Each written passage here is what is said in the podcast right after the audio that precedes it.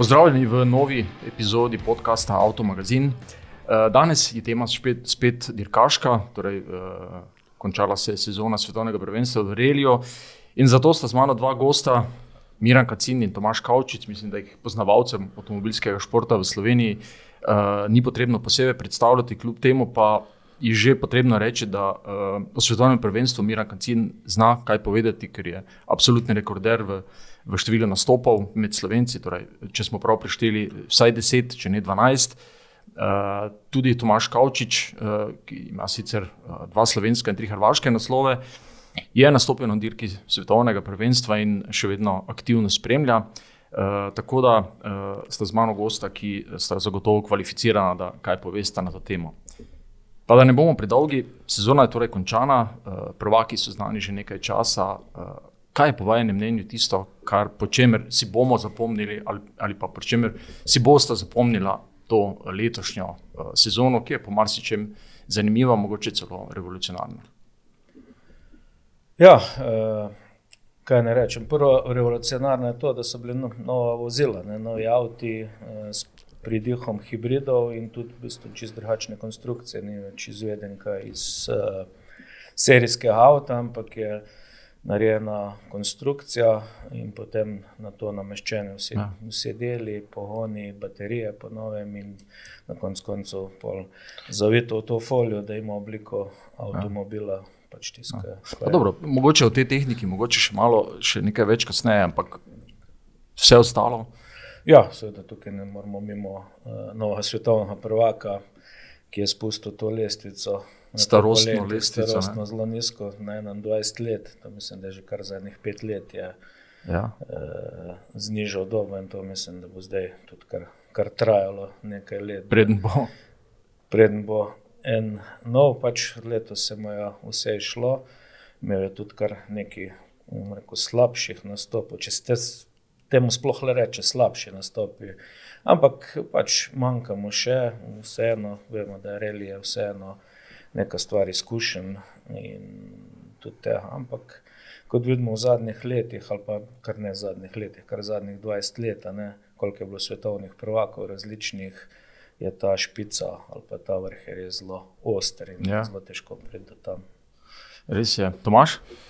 Uh, ja, bi se kar strinjal z Miranom. Prvo ime letošnje, torej minule sezone, je nedvomno Kalero Vampera, ki je po mojem mnenju uh, dobil izjemen paket uh, avtomobila, uh, ekipe in uh, konec koncev tudi sovoznika.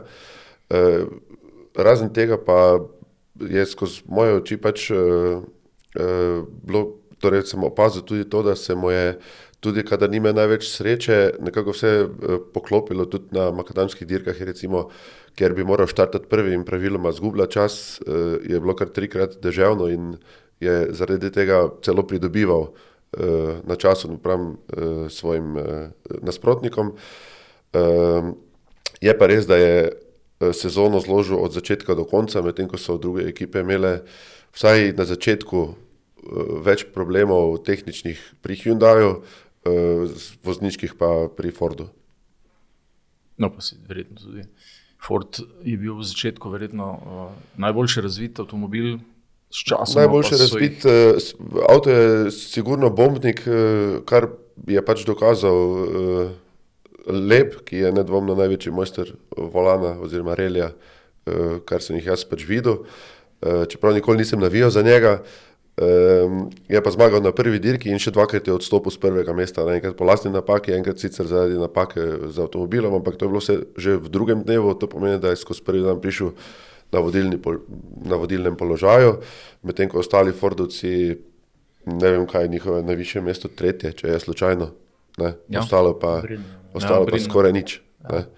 No, medtem ko Hyundai, uh, Hyundai je pa imel avto proti koncu sezone res dobro poštiman, kar se tudi vidi na rezultatih. Mislim, da so uh, dosegli vse dve tretjini zmag na zadnji polovici uh, sezone, medtem ko v prvi polovici jim pač ni šlo, avto je že uh, pred sezono zamujal uh, razvojno ne, in potem tudi uh, posledično na prvi polovici sezone ni bil uh, konkurenčen, kljub temu, da imajo vrhunsko dirkaško zasedbo.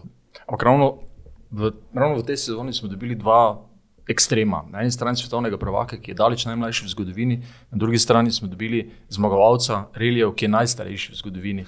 Uh, to samo dokazuje, da postajajo športniki, torej da so ti vozniki relija absolutno športniki, sploh lep, ki tudi izhaja iz enega drugega športa. Če lahko zmaguješ pri 50, so verjetno avtomobili temu prilagojeni, pa moraš biti verjetno v vrhunski fizični kondiciji, da je kaj takega sploh možno. Ja. Se pravičujem, lep je naredil salto, ko je zmagal Monte Carlo, ne? iz to mesta. Ja. Uh, Lih to sem hotel ja, reči, da v bistvu ta, tudi ta šport, ki ima velik predih tehnike, pa vsega skupaj, pa če se spomnimo naših začetkov, kako je bilo, ne, kam je danes prišlo, res je to, so vrhunski športniki, te vozniki. In uh, ne, rekel sem, psihofizična priprava, plus vse drugo, se mora res poklopiti, kot sem na začetku rekel, ta špica je zelo ostra. In, uh, mogoče velikrat se sprašujemo, ne, uh, da je malo proizvajalcev v tem svetovnem prvenstvu, ampak na koncu še za teh šest avtomobilov težko najdejo uh, top ja, pilotov. Se strinjam. In, uh, res smo šli naprej, tudi nedolgo nazaj sem bil pri mojem kolegu na Češkem, ki je bil uh, Romani Krestu, ki večkrat omenjam, pa to in so se malo pogovarjali in rekel, da je to res šlo v teh zadnjih desetih letih toliko, toliko naprej in hitrost avtomobilov in rekel, vsa tehnika, ki temu pripomore in na koncu tudi priprava samih voznikov, da to zmorejo, pač pa tudi vidimo, da jih ni prav veliki, ki so lahko stalno na vrhu. Ja. Uh, ja, mogoče bi dodal to, da se skladno z hitrostjo in zmogljivostmi avtomobila eh, ta vrh, ki, eh, vrh voznikov, ki te avtomobile lahko pač eh, obvladujejo do te mere, da zmagujejo, dramatično oža prav s to hitrostjo avtomobila. Ne? In ti VRC avtomobili so res nezemljski avtomobili. In marsikdo, ki je prišel z, z nižjega razreda, torej z VRC2 in je bil strašen talent, je v VRC-u potem postal povprečen. Uh, in to je pripisati, po mojem, predvsem temu, da, da, se, da se hitrost in percepcija uh, torej ceste, vožnje uh, na hitrostnih preizkušnjah dramatično, eksponentno poveča z, z hitrostjo samega avtomobila. Ja, ja pa mogoče, če še nadaljeval v tem, da imamo en lep primer Evansa v tej sezoni, ja. ne, kar pa prejšnjih dveh, ker je bil res sam vrh, sama špica. Ne. In uh, sem zasledil, jih zadnje dni nekaj sem prebral, da je velik problem prilagodljivosti. Ne. On je imel en, naj, rekel, največjo, največ problemov s prilagodljivostjo na nov avto. Pa če so malo drugačni, ni bilo sredinskega diferencijala, ki je ponovadi zelo pomagal pri nastavitvah avtomobila, ali pa rekel, si nastavil avto po sebi. Ne, Se je kar malo zgubil v tej sezoni, kar tudi ja. sam priznam. Ja, res je lovil, letos je bil praktično ja. povprečen. Ja. Ja. Pa dvakrat pod prvakom. Ja, ja. Z malenko srečo, celo prvak. Tako, tako. Ja. Rečemo, tukaj pa dodal jih preko lepo imeno, pa še ožija, ne, ta prilagodljivost in ta fenomenalna hitrost, ki jo hitro doseže. Ta, ja. Brez rekel, večjih težav. Uh, tako da je zanimivo stvar ja. postala. No, sej, potem je recimo eno naslednje vprašanje, kdo od voznikov, ali pa mogoče tudi ekip je, je, je po vajem presenečen in kdo razočaran sezone. Ne, ne, to, Tomaš, ti si že omenil. Pa tudi moram reči, da se sam absolutno strinjam s tem, da, recimo, da eno največjih razočaranj sezone je zagotovo Craig Brin v Fordu. Ne. Ja, Brin je, po mojem mnenju, tudi razočaran, da je zdaj spet zamenjal ekipo. Uh, vprašanje je, kaj bo potem eh, se zgodilo v tem prihajajočem letu. Uh, kot ekipa zagotovo najbolje deluje Toyota. Ne. Od začetka do konca avto je, avto je hiter in uh, tudi zanesljiv, pa tudi vozniško ekipo imajo, bi se reklo, po domači pošlihtano. Uh, Medtem ko sta se in Hyundai in Ford soočala res z ogromno problemi, bi rekel celo preveč problemi za. Za torej, proizvajalce, ki bi rad nastopil v vrhu svetovnega prvenstva v Reliju. Ja. Tu je verjetno Miren, ti malo bolj poznaš, glede na to, da tudi z ekipo sodeluješ na kar nekaj uh, dirkah svetovnega. Uh, pri Hyundaiu imajo še vedno težave. Pri Hyundaiu verjetno ni toliko težav avtomobil, ki so ga uspeli urediti, ampak uh, ta notranja struktura, urejenost, uh, še zdaj nima pravega šefa. Uh, ne znajo najti nekega, uh, neke jasne uh, hierarhije komande.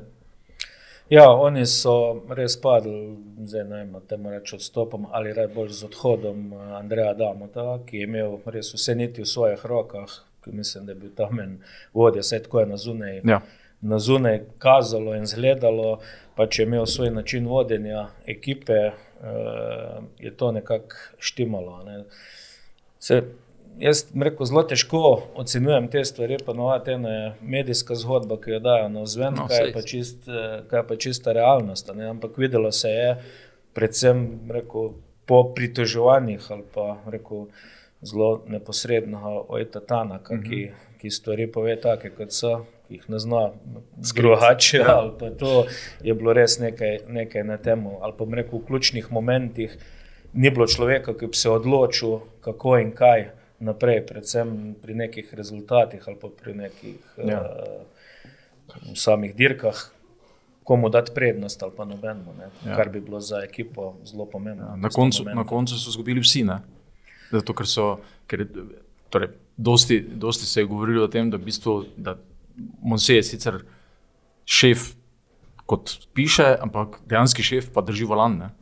Ja, to jaz sicer temu ne bi jih čist, čist verjel, ampak je pa, vemo, z vsakdanjega življenja, če ne prevzame vajeti, jih ponovadi drugi, zdaj kdo je bil to, je, je težko reči, ampak za samo ekipo ali pa to, za kar se borijo, mislim, da ni bilo prav. Je pa tudi, veš, tukaj smo razni karakteri, tudi tam so Korejci ali Japonci, pač ima vsak svoj karakter pri tem vodenju, vseeno je pa ta reli šport, ne vem, kar nekako. Uh, s predihom nas, evropejcev, tukaj vodstvenih. In, uh, tukaj je zanimiva te relacije, verjetno to bi bila zanimiva tema, ko bi se enkrat poglobil v to, kje in kdaj, kaj prinaša plus in kaj minuse.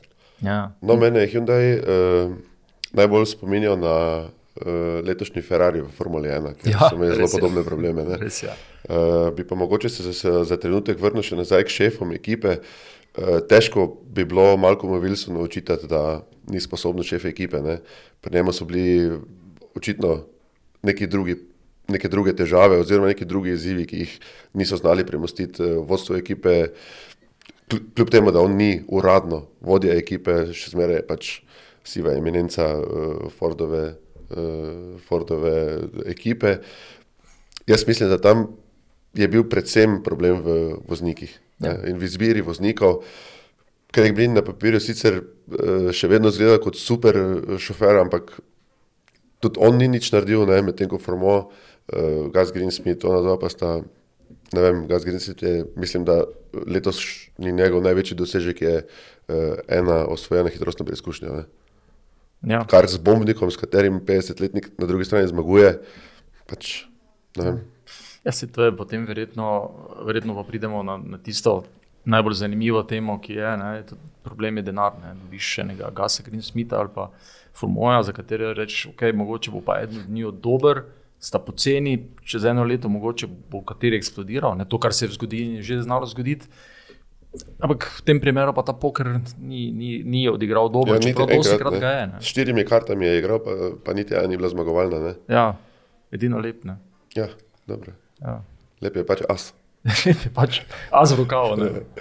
ja, to mreko, tukaj ni nobena skrivnost, da te dva, mreko, kot sta Green Smith in uh, Formo, v bistvu plačate ta sedež, ne, če tako rečemo. In seveda uh, ni uradna Fordova ekipa, pa če jim sport ekipa v svetovnem prvenstvu, ki kapo dol, da to uspejo in pa to skladajo skupaj, da se borijo na tem najvišjem nivoju.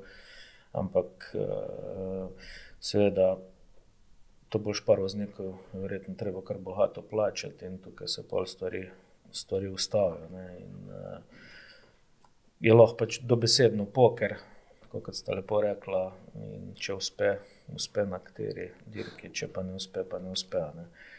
In je rekel, tudi težko je tako, pa pustimo, ne bo tehnične težave, ne, ampak kot smo rekli, avto je bil hiter od začetka. Verjamem, da je tudi parkrat vmes pokazal, na kakšni hitrostni preizkušnji, da avto je sledil ostalim dvema konkurentama, kot sta Hyundai in Toyota, ampak ta vozniška ekipa pač ni dorasla tem nalogam. Ja. verjetno res. Ja. Uh, mogoče še kakšno besedo o tehniki, ki si jo prej omenil. Uh, mislim, da je to, um, uh, da je to res en, en korak naprej, po eni strani, sploh kar se tiče uh, varnosti in, in cenovne dostopnosti, čeprav to je zelo abstraktne pojmi, ko govoriš o cenovni dostopnosti pri milijonih evrih. Ne? Pri milijonu evrih, koliko je en tak avto velja, ampak recimo tehnika, VRC-o danes je v bistvu pod, pod to uh, zunanjo uh, karbonsko kožo, v bistvu zelo podobna tehniki dirkalnika R2 plus pomoč hibrida. Ja, vse to rekel, nekaj zadnjih let, kar se tiče agregata, samega pogonskega, je seveda na višjem, na višjem nivoju, vseeno v reali dva avtih iz, izveden kaj serijske uh, zgodbe. Ne. Tukaj so pa vseeno rekel, bolj proste roke in je tudi uh, večino, se tudi vidimo, ne, da je vseeno tudi prejšnji VRC plus ali pa sedaj šnareli en avto, je približno ista razlika v hitrosti, kot je bilo prej, do Reli 2 ali pa RT ja. avto. Ne, tako da je tam napreduje. Sveda pa pač danes živimo vsi s to hibridno tehniko, nekako v avtomobilskem delu in uh, so jo nekako na nek način poskušali in jo so jo vklopili v te dirkalnike. Sveda bile so nekje malo večje težave, nekje ja. malo manjše težave, ampak pač jaz tukaj ne vidim. Uh, v tem nič slabega, ker pač s tem smo vsak dan in tudi tukaj je en poligon, ki bo nekaj stvari sprobal na teh avtomobilih. In, uh, Rekel sem, zmeraj odprt za nove tehnologije in se mi zdi zanimivo. Pač ena nova komponenta, ja. ki pomaga. Sveda, zdaj mi, ko smo malo starejši, kdaj pa kdaj rekel, ne, da je eh, benzinski motor, pa če več uh, hrupa, to je to. Uh, ampak mislim, da mora to biti noter in jaz pričakujem v naslednjih letih. Zelo sem zvedal, no, kaj bo prišlo ven za 2025, ko to bo lahko rečemo jutri, in zdaj se že zelo pogovarjajo ekipe, pa proizvajalci, kaj ka, ka, kako ne bi izgledal novi relief od 2025 ja, naprej. Ja, se pravi, v vsakem primeru pa bo šla ta elektrifikacija verjetno, verjetno naprej, ne v, v popolno, popolno, električni, popolno električni pogon, ampak verjetno močnejši hibridni del pogona. No, bi, rekel, to bi zelo težko, težko rekel, kam bo šlo, ampak sigurno bo te tehnologije, bo več elektrifikacije, na, na kakšen način bo pa to vključeno, je pa vprašanje. Uh, ampak računam, da bodo se proizvajalci in FIA in vsi playerji lepo dogovorilo o tem, in da, bo, da bojo spet zanimivi avti. V hitrost ne dvomim teh avtov. Pač. Ampak z druge strani to dodaja pa še eno drugačno težo, da tudi tem voznikom, ki smo se prej pogovarjali, ja. ta prilagodljivost, da se ja. boljše adaptira na pomoč, ne toliko kot ne karikiram, če vozim hibridno avto se, ali pa sem električni avto, se malo drugače obnašam, kot če vozim benzinskega. Ja, to je vedno tako, če hočeš. Da je pumpa za vsakim vogalom. Ja. Če hočeš pa... iz te tehnologije kaj dobiti, se moraš prilagoditi. Ne, se je... Tako, jaz tukaj ne vidim nič slabega in se mi zdi, se mi zdi zanimivo. Pač, ja. Vsaka stvar, verjetno tudi. Pred toliko leti, predtem, ko je prišel prvi avto, nekaj so uprego vozili, so rekli, da je to neč. Ja, pa se, ja. pa se je nekaj zgodilo. To, kar bi jaz dodal, je to, da uh, je razveseljivo, da uh, pravilniki omogočajo, oziroma so omogočili vsem razvijalcem narediti dokaj podobno hitre avto. Kar pomeni, ja. da, da je bilo prvenstvo v vsakem primeru, če gledamo torej dirko po dirko, je bilo prvenstvo izjemno konkurenčno. Ne. Nikoli se ni vedelo, kdo bo zmagal, niti kateri proizvajalec, na koncu konca tudi nekateri šofer.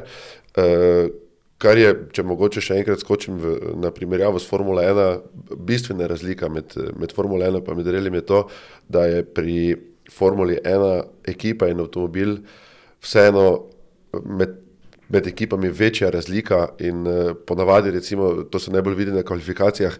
Če, če pogledaš torej, kvalifikacijske rezultate, sta navadno oba šoferja skupaj, pa potem dva šoferja druge ekipe, pa dva šoferja ja. tretje ekipe, ni neke eh, razmetanosti šoferjev in ekip. Medtem ko pri, pri Reliju pa ne verjamem, da, da so bili proizvajalci dvakrat letos enako zloženi od prvega do šestega mesta. Aha, po, po, po parih ne, ja. zagotovo ne. To... uh, kar je dobro, ne? kar je za gledalce sigurno zanimivo, atraktivno in uh, mislim, v končni fazi se tudi, tudi ta šport, tako kot vsi ostali, se dela za gledalce. Ne? Ja, no, pa še bolj, bi, še bolj bi verjetno se moral, ne, se pravijo, da pa poskušali ga bolj približati gledalcem, narediti bolj atraktivnega, da pač čakamo, kaj se bo. Mah, če jaz primerjam spremljanje relija pred 15 leti v, s tem, kar lahko delamo, oziroma spremljamo danes, je to kot dan pa noč. Ne. Mislim, na VRC platformi imaš praktično vse hitrostne preizkušnje od začetka do konca, vse avtomobile imaš pokrite z, torej z sliko v živo, Eh, dva komentatorja, praktično lahko vseh 300 oziroma pač koliko kilometrov hitrostnih preizkušenj je, lahko spremljaš v živo. Uh, pred 15 leti ti je ostalo samo čakanje za internetom, da si čakal na rezultate, kdaj je prišel torej šofer skozi uh, skoz ciljno celico, ali pa si šel na dirko v živo in si tam gledal uh, tisti enovinek, ki si, si ga pač izbral. Ja. Medtem ko danes, če je dirka blizu, uh, je vsekakor doživeti na dirko v živo, ne? ampak uh, bistveno več vidiš, uh, če sediš doma za računalnikom. Ne? Ja, pa tudi, tudi spremljanje časa je bistveno bolj enostavno, se to je pa v bistvu tudi, tudi en ja, čar tega, tega športa. Ja. Tukaj bi se res strinjal z vama, kar se tega tiče, tukaj smo šli svetlobna leta naprej. Sicer, kar jaz opažam, okay, tukaj smo imeli še to nesrečno COVID-no obdobje. Ne, mm da ni več tizga navala, če bi tako rekel, na hitrostne preizkušnje. Uh, ampak pač je zelo več možnosti je spremljeno. Kot je Tomaš lepo rekel, enkrat sem imel samo eno stvar, da se lahko odločiš, greš na reli, spremljaš od blizu, gledaš na platformi, lahko spremljaš na telefonu rezultate in tako naprej, ali pa tudi posnetke v živo. Kar se tega tiče, je je to velik napredek in jaz pričakujem, da tukaj bo zgodba šla še naprej. Ja. Preseb vidim, je več problem cajt, ne, da bi da lahko to sploh spremljaš, kot je danes možnosti. Ne. Takrat se odločiš, šel na eno dirko, ampak danes dobesedno lahko ti 24 ur spremljaš v živo. Eh, prek eh, raznih naprav, ampak kdo si to lahko prvoš. No, žena žena ni vesela, da sem naročen na VRC. žena ni vesela, da sem naročen na ja, VRC. Vse takrat, ko so reli, ni ne. Vprašanje, če boš drugo leto dobil dovoljenje. Problem je, ker nisem reli, ne. Jih je več takih stvari. Ampak vseeno, ni rekel, da ni slabo, se dobro dela na temu. In, uh, je, VRC, mislim, da kar gre svojo pot. Sveda vsak, vsakič bi lahko imel kaj boljšega ali pa slabšega, ampak uh, mislim, da, da smo na dobri poti ali pa kar da ustraja na nekem dobrem nivoju. Ja. Če za trenutek pofilozofiramo, ne, je mogoče vprašanje, če so uh, tako zmogljivi avti sploh smiselni, ne, glede na to, da izmed vseh šoferjev, ki v VRC-u torej dirkajo, uh, mogoče trije, štirje potegnejo iz avta tisto, kar avto zmore in ponuja, more. vsi ostali pa zgubljajo pač sekunde, da ne rečem minute. Ne. Ja. Se, se to je vprašanje, sploh glede na to, ne, da, da v bistvu imamo na eni strani imamo recimo 10, maksimalno 12 reljena avtomobilov, se pravi kraljevska disciplina, uh, na drugi strani pa popoln uh, rekel, boom.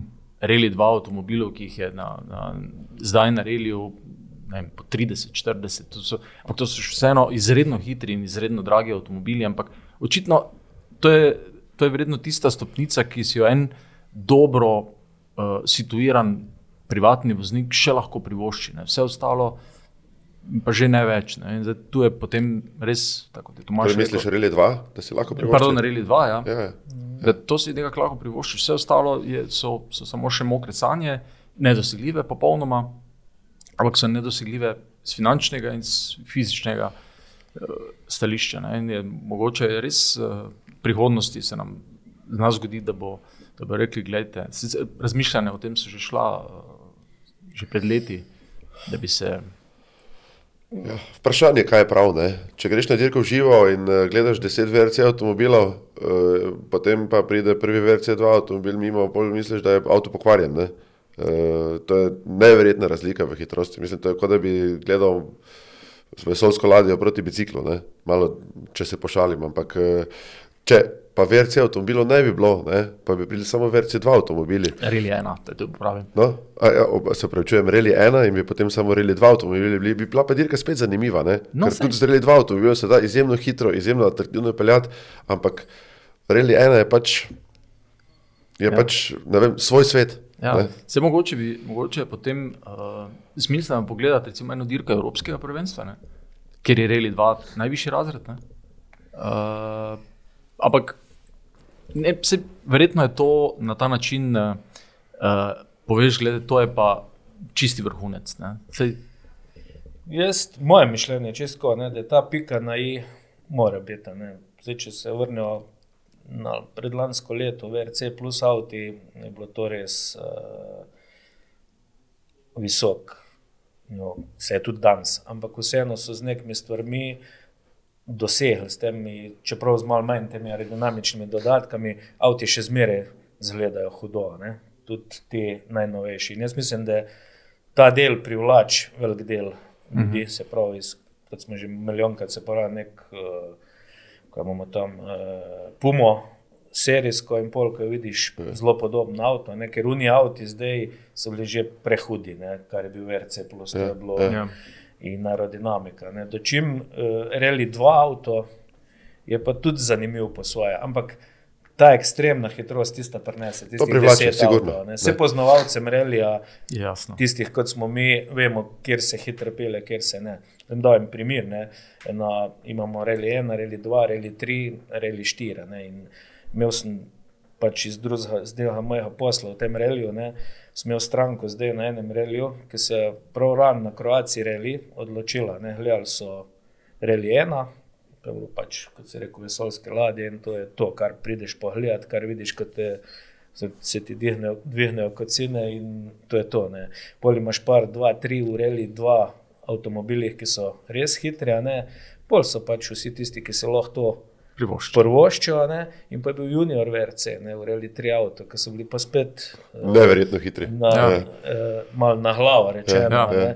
In pač moja stranka je rekla, da je to videla, a ne, se je pač odločila, da bo en krajši relis, da, to hoče probati, ta avto, reli uh, 3, ne, Tri. ker je zanimivo. Ne, in se tudi uh, na koncu koncev je videl, uh, zdaj pač govorimo o tem zadnjem reliju, ki je bil ta vikend na Makadamu, a ne, da je avto je dobesedno res igrače za nek spremljiv Denar, ja. Ja. denar. Ne. Tako da jaz, meni se pravim, je to vseeno nek vrh in ta vrh ne ostane tako, kot je uh, s temi VRC ali pa Relijena, po, po novem, mora biti malo avto. Pa, strinjam se, strinjam se, mora Mora biti, biti nekaj, nekaj, kar občuduješ, vedoč, da tega nikoli ne moreš doseči. ne. Ja, to je ena To ima stvar, tisti eh, čar nedosegljivega. Ja, zelo, zelo, zelo težko žireli. Je, dva je težko dosegljiv, pustimo, ampak eh, vseeno ta pika na i, Mora biti, ne. Da se- biti. Lep dokaz, da je konec koncev vse to vseeno funkcionira v pravo smer, je Kroacija reli, kjer so letos in lani bile nepregledne množice ljudi. Mm. Jaz se ne spomnim, da bi kadarkoli na katerem koli reliju videl toliko gledalcev, kot jih je bilo na Kroaciji. Uh, Medtem, ko, uh, ko, je bila, torej, ko je bila Kroacija reli del Evropskega prvenstva ali pa uh, kakšnega pač manjšega prvenstva, pa, pa je bilo ljudi le za vzorec. Ne. Ja. Tu pa zdaj govorimo o 300-400 tisoč ljudeh ne, v treh dneh. Ja, zagotovo. Ko smo že ravno pri Kroaciji, ki, ki je tudi del um, sezone, ki, na, ki nas čaka, uh, mogoče še kak komentar na um, sezono, ki nas čaka, spet 13 streljev. Uh, nič posebnega, vračajo se ameriški relije, se pravi Srednja in Južna Amerika, ampak um, ta centralno evropski je pa, je pa nekaj, vseeno nekaj posebnega. Ne? Bombonček, Recimo- za katerega še ne vemo, kakega okusa bo. Ne? To je približno tako. Ja. Se pravi, prvič v zgodovini se reli odvija v treh državah, in eh, nekako Nemčija se je vrnila na zadnje vrata, z Nemčijo pa Avstrija in Češka, ki tudi nikoli nista imela te dirke. Ne.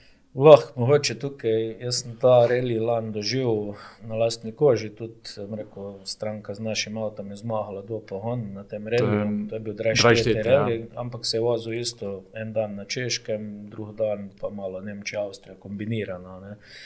Tako da jaz mislim, da bo en zelo zanimiv uh, zelo zanimiv reli, uh, rekel, z raznolikostjo cest. Uh, se pravi, tam v avstrijskem delu so malo bolj, že malo hribovito, lahko na češki strani tudi neke nemške, te rekel, ravne, ko so. Tako da bo, bo spet en zanimiv, predvsem me pa navdušuje to, da je tudi na vsaki. Da je vsako leto nekaj novega, ne, ne bo to na asfaltu, na Makadamu ali povratne neke dirke, da tudi tisti, ki niso že sto let v tem športu, uh, In uh, rekel, jaz predvsem spremljam, kako se takrat obnašajo ti novi vozniki, kadar so rekel, bolj podobne ja. razmere. Pravi, zdaj, če gremo na Hrčijo, pa tudi zdaj je bil samo en, ali celo sam, uh, ali pa dva voznika, tri, da so prej Hrčijo vozili, ja. Akropolisa. Ja. Ja. Veš, so to zelo blizu. La, lažje primerjati. Ja, ali pa Kroacija lansko leto ne, je bila tudi zelo zanimiva iz tega stališča. Ne, in, so bolj bel skupaj, pola, ne, tudi ja. oni. Rekel, ko smo prej rekli, da niso čisti vrh, lahko pridejo do tega. Bliže, ja. no. bliže, ja. Če jim leži. Ne? Ja, če jim leži. Zdaj pa, uh, ko je zdaj tukaj specialisti, ne specialisti, uh, pač moraš biti. All-rounder, all ja, ja. Jaz mislim, da ne, specialist v reliju Tudi če bi bil recimo asfaltni specialist, ne, pa če primerjaš uh, torej belgijski reli in japonski reli, ki sta letos pač potegali, to sta dva popolnoma, popolnoma različna relija. Ja. Uh, da ne primerjamo še obeh skupaj z Monte Carlo, ki pa je pač spet čisto svoja specifika. Ja. Teda mislim, da specialisti v reliju niti ne obstajajo. Mislim, da vsaj v, torej v reli ena uh, konkurenci ne obstaja specialist samo za asfalt ali pa specialist samo za makadam. Bolj kot ne vsi so do, podobne rezultate tudi dosegali na vseh relih. Ne? Torej, Revamper je zmeraj zmagoval, eh, ko je Hyundai delal, sta zmagovala tudi eh, Nevil in Tanak. Ne? Eh, lep se je tudi vedno hitro peljal, ne glede na to, katera podlaga je bila pod njim. Tako da, ože isto. Tako, ja. Specialistov ni, ja. preživeti koncept, sigurno. Ja. Ja, to, so, to so tudi glavni, od tu naprej pa že prva beliga. Ne? Ali pa ja. to že ja, druga? Ja. Dobro, za mene je ta del, ne sploh, kader prijem na Ureli, mi je zelo zanimiv. Ne, kdo se naj, najhitreje pa najbolj prilagodi, ne, ja, prilagodi vsem, ja, tem, ja. vsem tem razmeram. Ja. Kar je tega, jaz bi rekel, da bi lahko biti na vsake najmanj na vsak let, vsaj 3-4 ali bi se morali zamenjati, pa pol nazaj vrniti. To je, sicer to je težko z organizacijske strani, pa z tega ja. vidika, ampak kar se tiče konkurenčnosti, bi bilo pa to eno. Sigurno je to zanimivo. Ja. Boljših stvari, ja. ne pa mogoče en let, kak reli na makadamu, več kak let na asfaltu, več in to bi bilo. Ja, se to je letos, letos oziroma govorimo o drugi sezoni, bo več, um, precej več relijo na. na Na Makadamu, mm. kot jih je bilo recimo letos, ne? drugo leto so samo trije, pa recimo polovička Monte Carlo, recimo, če, če ne bo snega. Ne? Če, če ne bo snega. Ne? Uh, tako da je to bistvena razlika. Ja.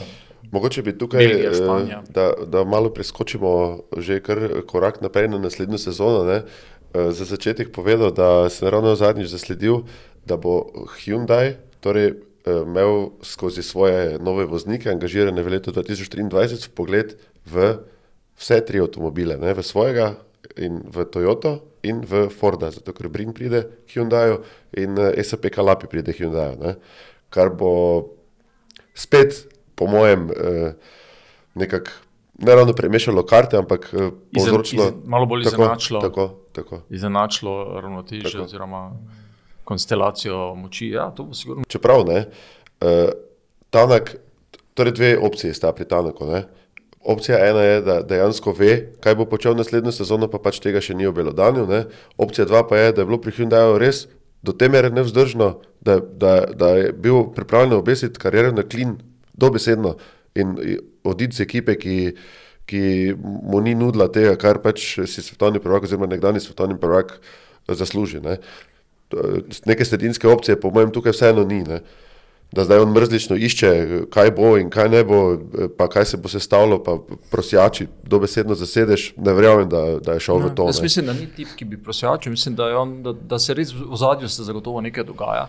Vprašanje, kaj se bo z tega simla, ne, da ne bo potem tresla se je gora, rodila se je ja, miš. Ja. Ampak zagotovo se nekaj dogaja, je pa seveda tudi, da kot praviš, ena od opcij je pa prav gotovo dosti realna, da, da letos pa pač drugo leto. Da ga ne bo, ne? Da ga ne bo.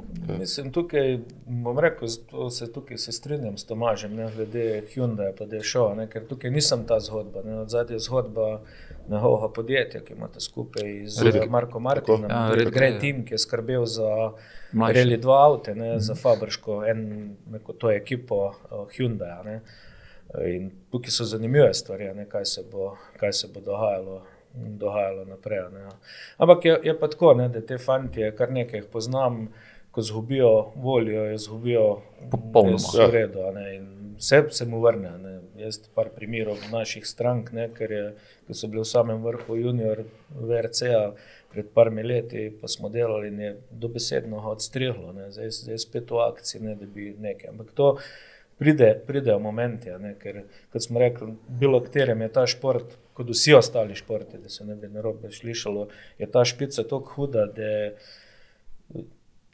vse narediš, pa še nisi tam. Ne, in vse se To je lahko mora poklopiti, ne. frustracija. Ne? Primer letos smo mi delali dve dirke plus test pred zadnjo najpomembnejšo dirko z juniorskim eh, letošnjim VRC prvakom, junior prvakom z Robertom Virvesom, Estoncem. Uh -huh. Uh, pelo je, smo testirali na asfaltu, pelo je vipavo z nami, ja. plus šli smo mi samo na testu, hrčo, ki potem dobijo tem sport avto, hoto z nami. Ne, in vidiš te priprave, kaj vse te fantje, fantje naredijo za to, ali pa kako se pripravlja. Ne, No, koliko je star virus? Virves ima ne 22 let. A je že 22? Ali pa 20, 22, Ja, ne to je- točno. Mislim, Neverjetno hiter. Uh, mislim, jaz, ko sem to v Vipavi videl, Ja, jaz sem smo skoraj nezavest padel, ja, kako se je pripeljal ta fant mimo. Ne? a Tisti veš, to- dežju. To je fantje, to delajo na tem. Ne. To, Lih to, rekel, lih z te strani, ki spremlja, ne, pa sem dosti sodelujem z njimi, pa skozi smo v navezah, ali pa ta nova stvar, Reli Star, ki se je zdaj odvijala. Ne.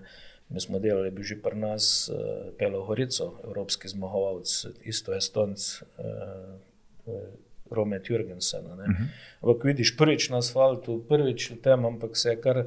Rekel, Hitro. kar z njimi pelal, pola, ne, s temi mm. našimi, rekel, te- zbori, kako dobro znajo že, Ja, ja, že izbrati. Ja, Ampak iz vseh teh bazenov, pa z vsega tega, ne v samo špicah treba. No, vse to je ravno to, kar, je, kar smo se prej že pogovarjali. To je ravno to, kar je čudno. Ne?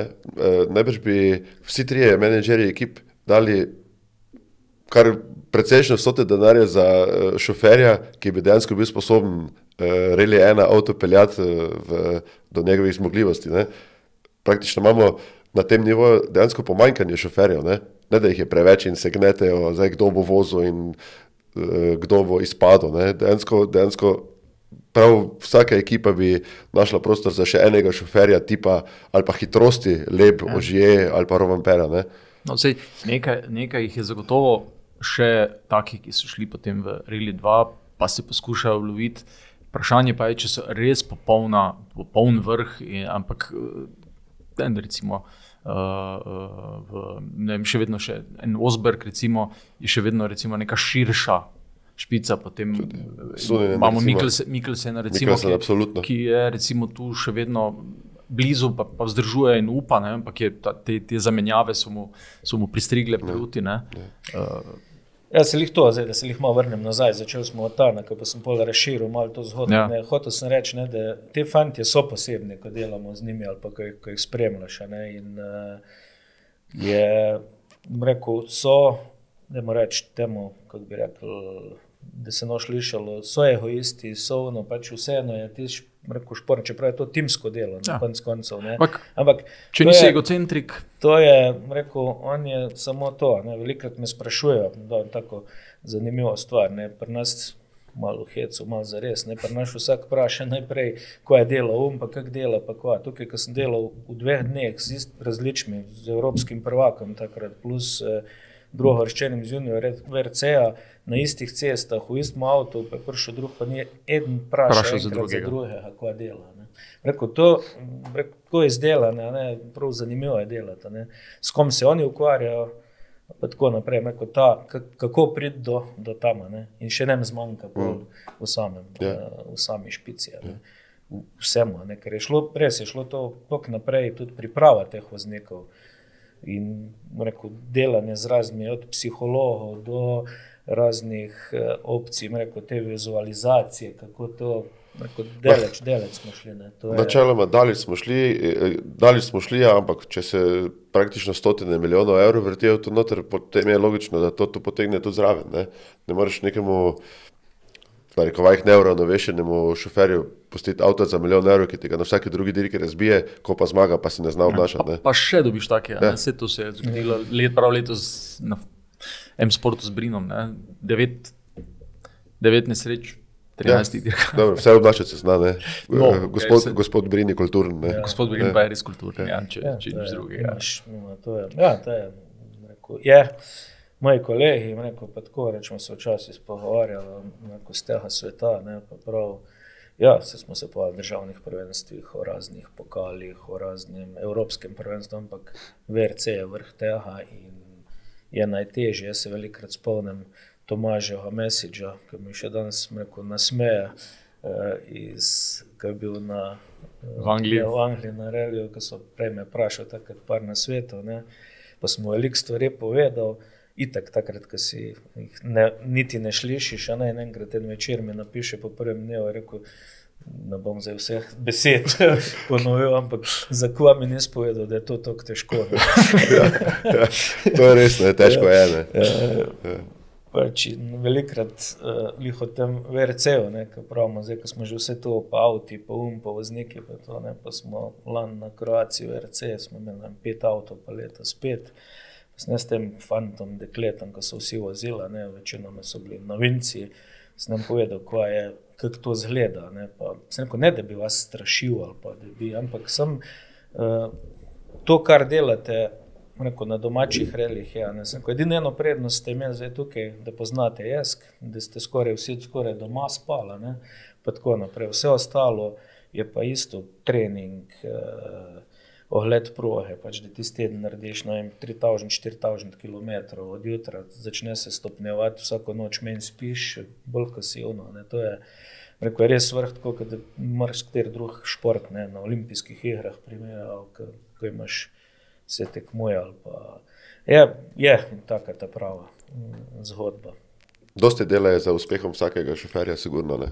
Ja, v bistvu, v bistvu kar, kar zelo načrtovano celo življenjsko delo. Ja, ja. Za tiste, ki so zdaj v, so zdaj v vrhu. Ja, ampak, na stotin takih načrtnih del, no, njih, ampak na koncih pride zelo malo. Ja. Je... Še v vrtu dva, oziroma v Brili dva, jih pride malo od teh, kaj šele Ja, da bi imel podporo, rekel, da jih nekdo vzame, da voz za njih. Mm. To je, ampak to je to, kar je dela ta šport zanimiv. Mi smo malo, rekel, imamo radi ali pa celo, celo malo več, eh, da nam reko, da je benzin za nas. Ja, ampak, ja, ja. Je, je zanimivo. No, vsekakor je, po mojem mnenju, pri avtošportu sta dve uh, stvari, ki, res težko ki jih je res težko determinirati, preden eh, šofer dorase. Ne. In to je, da s petimi leti, ali pa z osmimi, ali pa z desetimi leti, je Luka Dončić že vedel, da bo košarkar in je znal na koš vreči in je obvladal žogo do neke mere za desetletnika, mogoče tudi nadpoprečno, glede na vse njegove vrstnike. Pri, pri vseh avtomobilskih športih je ta zamik, sigurno vsaj pet let, če ne osem let. Ne. Eh, da, da nekdo ugotovi, da, bo, da, bo, da je talent. Da je talent je in potem, če je talent, ne, uh, je s, s, okoli tistega talenta, on, torej talent bi rekel, da je ali pa občutek za avtomobil je eh, mogoče še pomembnejši kot občutek za žogo. Pa, uh, zato, ker se mi zdi, da je veliko težje avto uh, natrenirati, torej obvladovanje avta. In, uh, ali si boš ti peljal z njim 173 na uro skozi vinek ali pa 172 na uro. Ne? Eh, pa ne, da bi kakorkoli zdaj hotel zmanjševati uh, uspehe drugih, nikakor ne, ne, ampak če nekdo ne zna vreči prostega meta, se postavi na linijo in pač meče do nemoglosti. Meče do nemoglosti ne? V avtu to enostavno ni mogoče. Ne?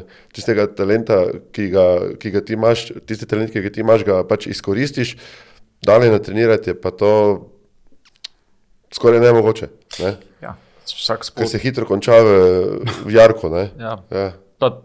Celo ni nujno, da se, da se konča, konča dobro. Redo, Mogoče, da, zdaj smo dali eno idejo, ne, ali pa rekel, veliko, ko razmišljam s tem, koliko je lažje delati s fanti, ki so prišli no, z Gokarda od nek prej, ki imajo neko dirkaško bazo. Ne. Ja. V bistvu dobesedno lahko dela z njim pol na, na vseh drugih stvareh, kot fant, ki začne pri 17-18 letih ali pa ko naredi vozniški izpit. a ne. To je, rekel, spet smo po isti zgodi, kako je šlo vse to, vse to naprej. Ne. Mi smo se usedli, pač si čakal, da si naredil vozniško, pa da si nekaj denarja dobil, pa kupil na enem razpadu avto in začel Ja. voziti, no vem, mesto to Bjanki, ti vse Čento, tudi ti v- takrat v Mazdah. Ampak hoče reči, danes je ta predpriprava je in že samo dve RC-ja govorimo, gremo sem že na nekem državnem prvenstvu, ne, če hočeš biti v špici, ko ja. moraš vse narediti. Mm. Ja. Pa tudi, če sta samo dva. Ne, Ja, seveda. Samo, ampak gre samo en lahko. Ja, Prvak. to- Ja, ampak verjetno je to ta generacija teh, ki so začeli z avtomobili, je to ta generacija, ki so zdaj stari približno 40, vsaj. Recimo, Ožje je po mojem med zadnjimi, ki, je, ki se je vsedel v normalen avto in, in je zdaj, oziroma je bil svetovni prvak, lep recimo po, istem, po isti zgodbi. Ne? Ampak vsi mlajši, verjetno pa so morali eh, že, že obvladovati neke. Vsaj karting, eh, če, če nekakšno Bilo kaj. kor, ne, cross kart ali kaj takega. Saj to imamo dva lepa primera. Ne? Imamo Solberga pa Roampera. Ne? Enemu se je šlo, Ja. enemu, se, enemu se ne je šlo. Ne? Še. To je pa spet pritiski, pa um, pa tret. Težko je, vse imajo lep rekel, predhodnike, so očetje delali to, so tako naprej. Ne? Zdaj, komu prenese to pritisk, komu pa plus. Ne? To je, ja. Če bi jaz lahko ugibal, ker dejansko lahko samo daj. ugibam, ne, bi Pa pač rekel, da je Roman Pere večji talent od Solberga. Verjetno se strinjam, je- ne, pa tudi Ja, mogoče se je. kdo ne strinja. Ampak tudi vprašanje, mogoče pa je tudi, mogoče pa je tudi uh, Ataro Ampera znal to malo boljše odpeljati. Mogoče, Mogoče je ta talent Mogoče- znal stisniti ven, ne, ampak tako, vsekakor ne. Ampak, ali pa ga je pravčasno dobil pravi menedžer v roke, Ja, ne, ali pa ne. ki, ki je znal reči, ok, zdaj pa se oče ti se omakni, mi bomo pa zdaj prevzeli. In je oče, ki je pač iz tega izhaja, to razumel. Vprašanje, če Petr Solberg to razume na ta Ja, način, ampak je rekel, ne. jaz sem že to dosevel, jaz sem bil svetovni Oba prvak, jaz- očeta sta bistveno različna karakterja. Ne. Ja. Jaz mislim, da to, ja, rekel, tudi ta stvar, ne, ko smo zdaj pri teh voznikih, a ne, zdaj res prej so bili Finci z nekimi vložki, še kakega Francoza, Španca in tako naprej, Angleže, ampak to preštejemo na prste ene roke, a ne, vsi ostali so bili pa Makinen in pol, rekel, ajde, Norvežana, da rečemo, ampak pa je bilo teh 16 let, koliko prevlade Francozov. Francozov, ja. Dveh. A Ne, zdaj, Dveh, ja. ja, v, ja, ampak v tem momentu spet ja. Francozi nimajo Ja. verjetno nimajo od zadaj, od spodaj, kjer bo imel še malo sreče, da bo prišel, da bo prišel do tam. ne. Ampak zdaj trenutno spet, koliko veliko let spremljam, ko sem povedal, kako so Finci. Ok, imam specialista zdaj, ne, ampak vseeno imajo večji izbor Finci v tem momentu, ja. kot uh, naprimer Francozi, če ti dve nacije izpostavim. Ampak to delo uh, se res pozna, ne, rekel, na uh, neko pametno ali pa začrtano delo vsega tega. Sigurno, ampak to je dolgoročna zadeva. Ne. To v dveh, petih letih tega ne gre narediti. Ne. Ja. Eh, Francozi vejo, kako se to dela, Finci tudi. Enkrat sem zasledil, da Finska ima 50 tisoč licenciranih šoferjev. Ne? Za Slovenijo, za primer, jih ima 300. Ja. Jih je, njih, jih je par milijonov več kot nas. Ja, ne, ja, dvakrat Ja. več jih je. Dobro, Ja, Francozi veliko. pet. ne. Jaz sem v zelo dobrih kontaktih s uh, vodjom, uh, v bistvu šefom coachov, prav trenerjev v finskem, uh, finski zvezi. a ne. So stalno to, a ne, pa so enkrat malo debatirali. Sem rekel, tako, a ne, imaš koha, to je še pred par let nazaj za Opel pokala, nekaj takrat je bil ta prvo leto, je bil Hutunen. Uh -huh. Rekel, miren, trenutno nimamo nobenega, dokler doma ne zmaga, nima kaj zunaj delati. Ja. Ja. Ja. A Ne, to je rekel, je- zanimivo. to- Že, že ve zakaj. ne. Ja, že ve, zakaj. nimajo, Zakaj. ne, rekel, ko delajo te kampe, v tretji šole, ne, res imajo postavljene stvari, tako kot je treba. Ne. Ja. Pa ni hec, v bistvu samo denar. ne. To so vsi velike, rekel, zveza njim nič ne da finančno. Ne. Ampak njim vse pogoje pripraviti, treningov. Ja. Predaja znanje, ne. Poligoni. Ja, Poligoni, treningi, francozi, kontakt, ne, ja. pač iste mi razni. Ampak tako je, pač ta šport je zanimiv. Ja, um, mogoče tako eno zadnje razmišljanje, pa zadnja smer razmišljanja. Um, gre VRC na splošno v pravo smer, glede na vse, kar se dogaja okoli, torej na ne, pravilnika, število, število relijev, uh, ozadje, promocija. Jaz mislim, da ja. Jaz mislim, da ja. Kot gledalec uh, sem zadovoljen z vsakoletnim napredkom uh, VRC prvenstva. Ampak, recimo, razmišljanje, kaj, kaj bi bilo treba narediti, da bi ga še izboljšali, ker se, ko se ustaviš, nazaduješ. Po mojem mnenju bi bilo, torej, če gledam uh, kot gledalec, oziroma kot uh, nekdo, ki spremlja VRC, mislim, da bi bilo zelo dobrodošlo privabiti v to dejansko špico še kakega proizvajalca in s tem še tri, še tri šoferje, ki bodo pač te mašine obvladovali. To bi bila prva stvar, na katero bi se jaz obreknil, mogoče. Ne? Z dirkaškega, z, z organizatorskega vidika, pa mislim, da je to ena izmed najbolj zanimivih stvari, ki jih lahko človek spremlja trenutno. Iran. Jaz se tukaj strinjam, tudi že parkrat sem rekel. Ne, prej, da mislim, da ta stvar je pele neko svojo pot, seveda vsak bi imel neke želje, kaj bi še, ampak rekel, ko, ko se malo bolj, poglub, mal bolj poglobiš v te stvari, da kar dobro delajo. Ne. Sej fanti razmišljajo za tri leta naprej in promotori, ok, kdaj pa kdaj bi mogoče na stran promotorja moglo biti kišno bolj prijazna stvar za, za nekatere, ampak moče to so že bolj. Rekel, inside stvari, ampak na zunaj, jaz mislim, kot je rekel.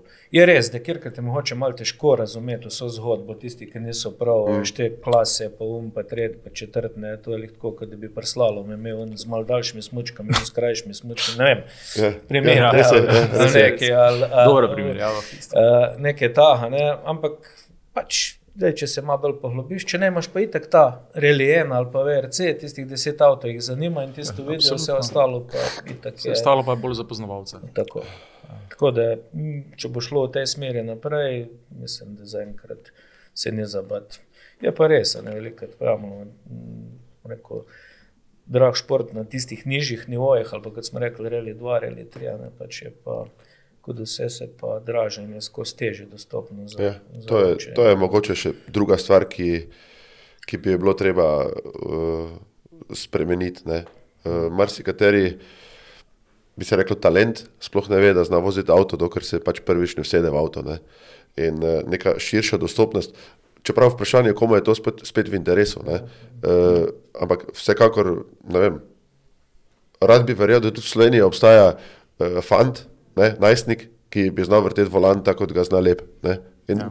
Mogoče celo nekje obstaja, ne, ampak nikoli ne bo vedel, zato ker pač nikoli ne bo imel stika z avtošportom, ki je od samega začetka finančno gledano pač uh, res visoko postavljen. Oziroma, Da ne rečem, nedostopen. Ne. To, je, to je pa potem tisto, kar mogoče ni več stvar VRC, ampak se pravi, ta osnova, ta grassroots racing, ko pravijo, osnova, dirkaško, dirkaško osnovo, ki pa morajo potem eh, nacionalne zveze postaviti in privabiti veliko širino mladih, ampak spet, tako kot si ti imeno, uh, tudi ta najbolj osnovna osnova je zdaj že tako zelo draga, da bistveno, bistveno dražja kot kopačke in, in, in žoga, ali pa kot, kot teniske in košarkarska žoga, ali pa kaj drugega, pa s tem seveda nikogar ne žalim, ampak seveda vsak šport ima svoje posebnosti, avtomobilski. Tudi to pride do to, to, tudi smutanje ali pa tenis prijeta do izjemnih, izjemnih višin. Ne? Že tudi v državnih prvenstvih ali pa, ali pa rečemo v ožjih mednarodnih prvenstvih ne? so to take cifre, da, da, ja. da moraš biti res požrtvovalen in predvsem časovno. Predvsem časovno, torej povsem eh, podrejen temu, da bo tvoj otrok uspel. Ne? Kar je, ne vem, če je prav. Jaz mislim, da to. Vkolikor vam ne uspe z, z svojim potomcem oziroma potomko, ne, si uničil velik del mladosti svojemu otroku. Ne, pa velik del življenja sebi. Pa velik del življenja si vzel sebi. Ne. Sploh, če nimaš zadaj nobenega veselja, da, da, da, da sproščeno prihajaš na dirke oziroma tekmovanja. Ja, to se tukaj zelo. Rekel, velikrat avtošport je pa še sploh fenomen, kar je tega, ker pač da jim rečem, ne samo doma, vsi rod po svetu, ne, avto je vseeno neka zgodba. Ne, jaz kot starš, da nisem uspel peleti neke dirke, imam željo, da bo to moj sin delal, ko mu lahko to omogočimo. Se ta je zelo, zelo enostavna formula. Ko si hotel, nisi mogel, ker ni bilo denar, denarja dansko, pa bi lahko, pa nimaš cajta. To je zelo enostavna formula. Ne? In tukaj vidim, kako delam s temi mlajšimi, ali pa to hitro vidim, kje je želja fanta ali pa punce, da to dela, Kje je ali želja pa želja starša. starša. Ja, ja. Je, se, se ni to samo v tem športu, ampak tukaj Ja. ja. se še bolj ekstremno, ekstremno pozna, ali pa mogoče, ker je meni takih. a Ne, se, ko grem tam na, ne vem, moj sin nekaj letos bi kolesaril, ko ja, ne, sem, ko ni problema, ne, pa me trener kliče, ja, kakšen bicikl, polno, sem, ko lete, tam ga imate, on ima samo eno omejitev, da to dela cel let letos, ko se je to odločil. Mm. Vi povete, ali bo specialko ali bo unko. Jaz nisem za to, pojma, jaz nimam, a je dober za uno. Ampak, če se on odločil, vi delate z njim tam. Ne? Pa ne me hoče spraševati, ko, ko je dober za njega, tu morate vi. Ja, verjetno je pričakoval, da, bo, da boš podoben kot ostali starši, ki želijo biti na pol trenerji. Ne? Ne, ne rabim, ker ne vem. Ja. Ne, jaz se Jaz, strinjam s jaz, tabo. sem, jaz sem to vem, da je težko mi v klan zvoniti. Ja. Bicikl, da bo trpel, Rabiš za. Malo dol za intermezzo, ampak to Ja. je to. Mm. No, ker smo približno, približno pri tej naši uri, ki smo jo, ki smo jo določili za, za neko mejo, ker smo pravzaprav kar dosti tem že razdrli in, in uh, dobro obdelali, uh, bi se Mirano Koncino in Tomažu Kavčiču najlepše zahvalil za sodelovanje v, v zadnji epizodi uh, podcasta in uh, obema želim srečo v, v drugi sezoni, če bo to sezona zabirana, prav gotovo bo predvsem naporna. Za Tomaža Kavčiča pa menda nikoli ne vemo. Hvala še- lepa. Hvala še enkrat. Hvala lepa. Hvala. Drugače, šnauto, zate imamo. Ja, ja, ja. Se oglasimo. Se oglasimo.